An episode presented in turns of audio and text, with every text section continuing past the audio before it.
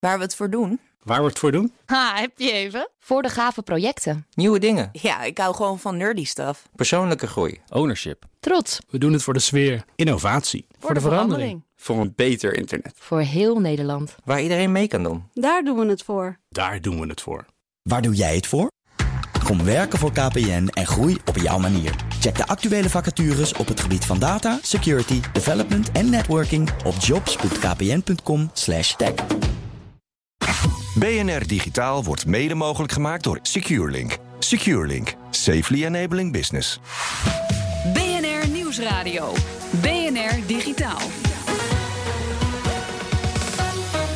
Blankenstein. Terwijl jij onschuldig kattenplaatjes deelde en met vrienden zat te chatten, waren Facebook en allerlei externe partijen bezig met het verzamelen, verkopen en gebruiken van jouw gegevens.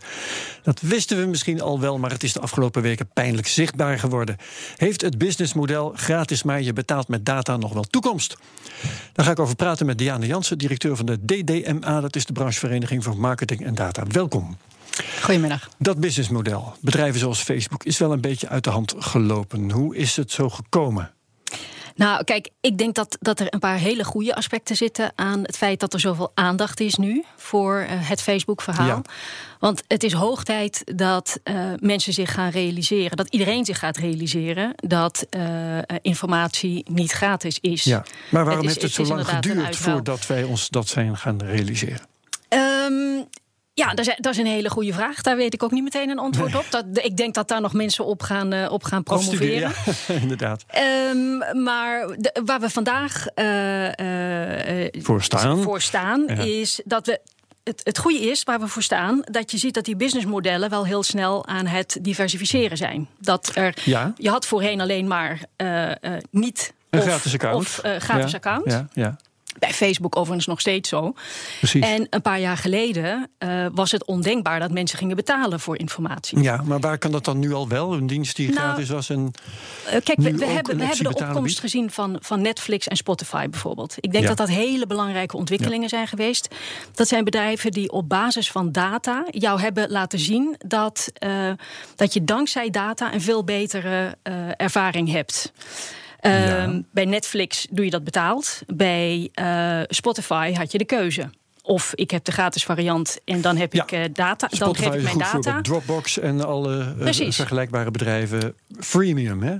Freemium. Ja. Gratis account of betalen en meer krijgen. Nou, dat is een eerste stap. En zo langzamerhand zie je dat mensen er steeds meer aan gewend raken dat inderdaad informatie niet vrij is en dat je moet betalen of dat je je data geeft. Ja. Dat is voor content. En geheel terecht, want de mensen die hier bij, eh, bij eh, BNR op de redactie zitten, die willen gewoon ook een boterham eten.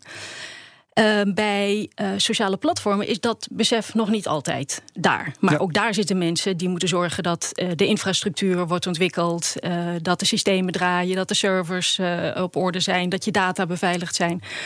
Dus ik denk dat dat de volgende stap wordt, dat mensen bereid zijn voor sociale platformen te gaan betalen. Ja, even naar mijn backup, Wout Voenekotter. Ehm jij zei zelf al, blijf bewust zoveel mogelijk weg van Facebook. Zei het niet helemaal. Ehm, zou een betaald account, een, laten we zeggen een datavrij account, voor jou iets zijn? Ja, ik moet wel zeggen, als, als student, weet je, heb je weinig geld. Dacht ik altijd, weet je, ik wil overal de gratis versie van hebben. Maar als je dan eenmaal gewoon eh, gaat werken, ik ben ook heel erg veel dingen toen abonnementen gaan nemen op dingen, dingen gaan kopen. Ehm, ik vind, het is wel een risico, want er ging gisteren ook over bij die hoorzitting met Mark Zuckerberg. Dat ze vroegen van blijft Facebook altijd gratis? En hij zei wel, ja, dat is wel de kracht. Maar met Facebook wil je iedereen bereiken. Dus er moet altijd wel een gratis versie blijven. Want als je het echt achter een paywall zet, ja, dan ben je het idee van ik kan met de hele wereld verbinden, ben je kwijt. Maar als ik voor een klein bedrag zeker weet dat ik niet getrackt word, niet gevolgd word, geen targeted advertising. Ligt een beetje aan bedrag, maar ik zou het zeker interessant Ik ga je vinden. nog even laten horen hoe eh, Mark Zuckerberg dat zei, want dat heb ik toevallig Mr. Zuckerberg, I remember well your first visit to Capitol Hill back in 2010. You said back then that Facebook would always be free. Is that still your objective? Yes. There will always be a version of Facebook that is free. It is our mission to try to help connect everyone around the world and to bring the world closer together. In order to do that, we believe that we need to offer a service that everyone can afford, and we're committed to doing that. Intussen eh, haalt iedereen tegelijk adem in deze studio om hier wat van te zeggen. Diane Jans eerst maar even. Nou, ik wilde zeggen, dit klinkt er in elk geval naar dat ze overwegen om een betaalde versie op de markt te brengen. Ja. Maar om nog even terug te komen op eh, betalen en niet betalen voor, eh, voor informatie of voor, voor social media. We hebben in 2016 een onderzoek gedaan onder Nederlanders, wat Nederlanders denken over data en privacy. En daar hebben we ook gevraagd toen: ben je bereid voor informatie te betalen mhm. als je geen data wil geven? Toen zei 89% nee, ben ik niet toe bereid. En aan die overblijvende 11% vroegen we nou, als je wil betalen, wat wil je dan betalen? Nou, dat is eigenlijk minder dan een euro. Nou, dat is natuurlijk niet Minder dan een euro uh, per maand of nou, iets dergelijks? Of? Dat, dat is iets wat, wat verder uh, uitgezocht moet worden. Ditzelfde onderzoek zijn we nu aan het doen. Die resultaten komen mid mei. Uh, naar buiten. Okay. Uh, en ik ben heel erg benieuwd om te zien wat daar nu in veranderd is. Want ja. er is natuurlijk wel wat gebeurd in de afgelopen ja. twee jaar. Dat denk ik, de, de ervaring van gebruikers en de houding heeft doen veranderen. Nog iemand die zijn vinger opstak, Jan Terpstra, um, is hier voor het volgende onderwerp over uh, het meenemen van data naar het buitenland. Maar ik wil hier ook wel even wat ja, over zeggen. Jij bent ook een bewuste Facebook-gebruiker. Als je even een stapje terug doet en je kijkt niet alleen naar Facebook, naar heel veel andere social uh, media of, of, of, andere aanbieders van online diensten, dan vind ik het kenmerkend dat men kennelijk zelf niet meer weet welke data er allemaal verzameld is. En wat ik nog erger vind, wie daar allemaal wat mee mag doen. Ja. En ik denk dat het feit dat die data zomaar beschikbaar is gesteld aan een onderaannemer een veel groter probleem is dan dat wij misschien wel of misschien niet willen betalen voor een stukje van onze privacy.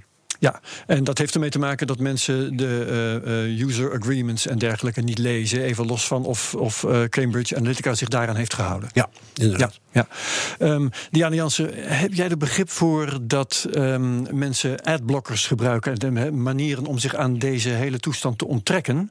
om, om een dienst te gebruiken zonder um, daar de prijs in hun data... of in het bekijken van reclame voor te betalen? Ja, ik heb daar begrip voor. Um, ik denk dat het wel belangrijk is dat je je realiseert dat uh, op het moment dat jij een adblocker installeert, dat uh, degene die informatie maken ook wel hun geld moeten verdienen. Dus dat je op de een of andere manier dat ja. informatie niet gratis kan zijn. Als jij een adblocker installeert, betekent dat dat er een kleinere basis van mensen is die uh, moet zorgen dat dat geld om die, om die dienst gratis te houden wel. Ja.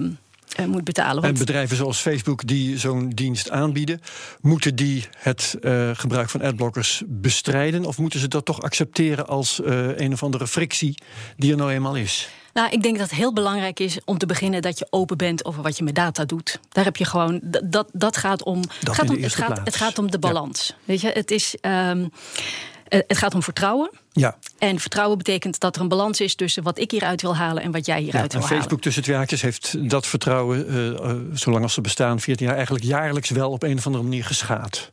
Ze zijn er nogal eens teruggekomen op dingen die ze eerder Met, hebben gezegd. Ja, uh, lijkt me verontschuldigingen niet, en de hele mikmak elke keer weer. Ja, Wout Funnekotter, ja. Nou, wat ik daarbij een belangrijk punt vind... ik vind prima dat je kan vragen aan mensen om een adblocker uit te zetten... maar je moet ze dan wel een alternatief bieden. Als je zegt, wij geven jou pop-ups, tracking, alles erop en eraan of niks... Dat is geen keuze. Wat wij bijvoorbeeld bij Tweakers doen... krijgt net zijn melding zien, dat je een adblocker gebruikt... maar we bieden ook een abonnement aan. Kun je inderdaad wat betalen, kost niet veel... en dan zie je geen ads meer. Dus dan kun je in ieder geval kiezen... wil ik laten tracken en dit doen... of wil ik inderdaad ja, betalen. Ja, tot slot, Diana Jansen. Het vertrekken van Facebook, delete Facebook... is dat een oplossing? Nou ja, kijk, je hebt als consument altijd de mogelijkheid... om met je voeten te, uh, te, ja. te kiezen.